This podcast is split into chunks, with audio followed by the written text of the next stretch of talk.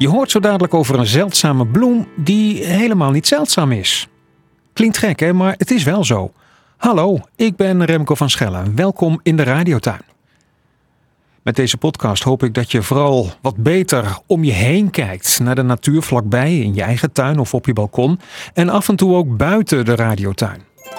Nou, vorige week, weet je misschien nog wel, was ik met natuurkenner Erik Milieu in Seroskerk op Walcheren om de stippelmot te zoeken. En die vonden we ook. Kijk, hier hebben we ze hoor.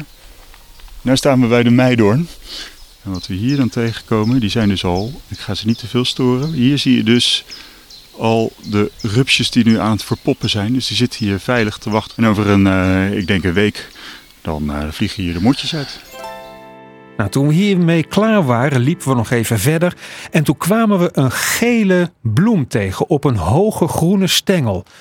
En dat leek ook wel een beetje op een paardenbloem. Maar dat is het niet. Erik, wat zien we? Ja, ja de, de, de onvermoede passant die zou inderdaad denken, hé, hey, een paardenbloem. Maar hij is natuurlijk wel hoog en als je het ook goed bekijkt zie je dat hij best wel een beetje stekelig is.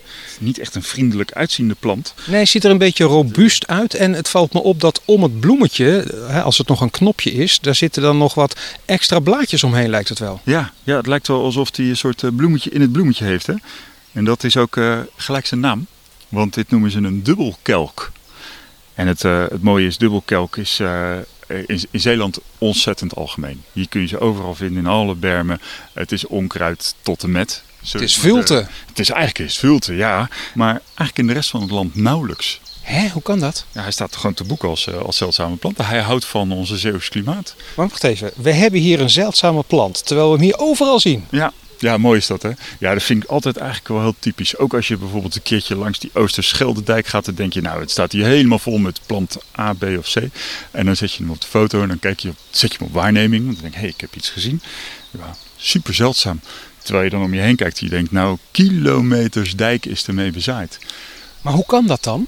Ja, en dat is natuurlijk het bijzondere aan Zeeland eigenlijk. Dat wij langs onze, onze dijken, met onze duinen en onze kust, we hebben eigenlijk een heel unieke biotoop.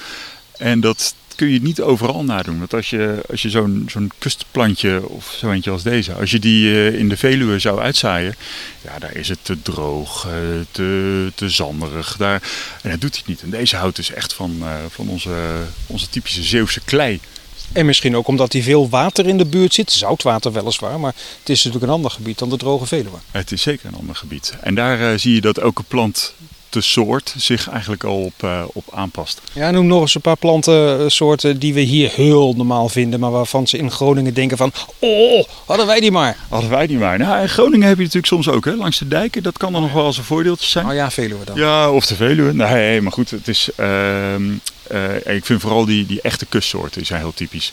Uh, we hebben uh, zeeraket, zeesla, de gele hoornpapaver. Nou, dat is echt een hele toffe plant. Als je bijvoorbeeld op de Neeltje Jans rondloopt, dan zie je hem staan. Het is een soort klaproos.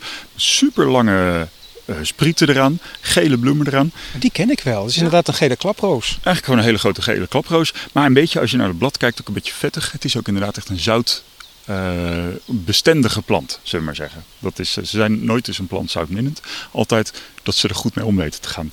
Uh, ik vind bijvoorbeeld ook uh, hertshoornweegbree kom je ook op al onze dijken tegen. En tegenwoordig ook, dat is wel typisch, langs bermen overal in het land waar veel gestrooid wordt. Vanwege het zout? Vanwege het zout. Het pekel in de winter en er wordt wat gestrooid zeg? Ja, er wordt zeker wat gestrooid. En dan krijg je dus automatisch dat daar een soort plantensoort bij komt. Maar een soort die dus normaal gesproken typisch alleen maar langs de kust is, die kom je dus nou door het land tegen.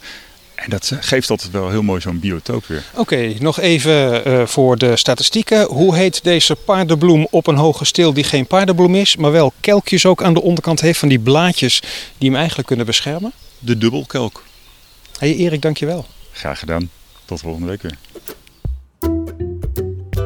Mooie natuur. Dus natuur dichtbij. Gewoon bij jou om de hoek, in je tuin of op je balkon. Nou, een foto van die dubbelkelk vind je trouwens op radiotuin.nl. Volgende week gaat het over de gaai. Heel graag tot dan.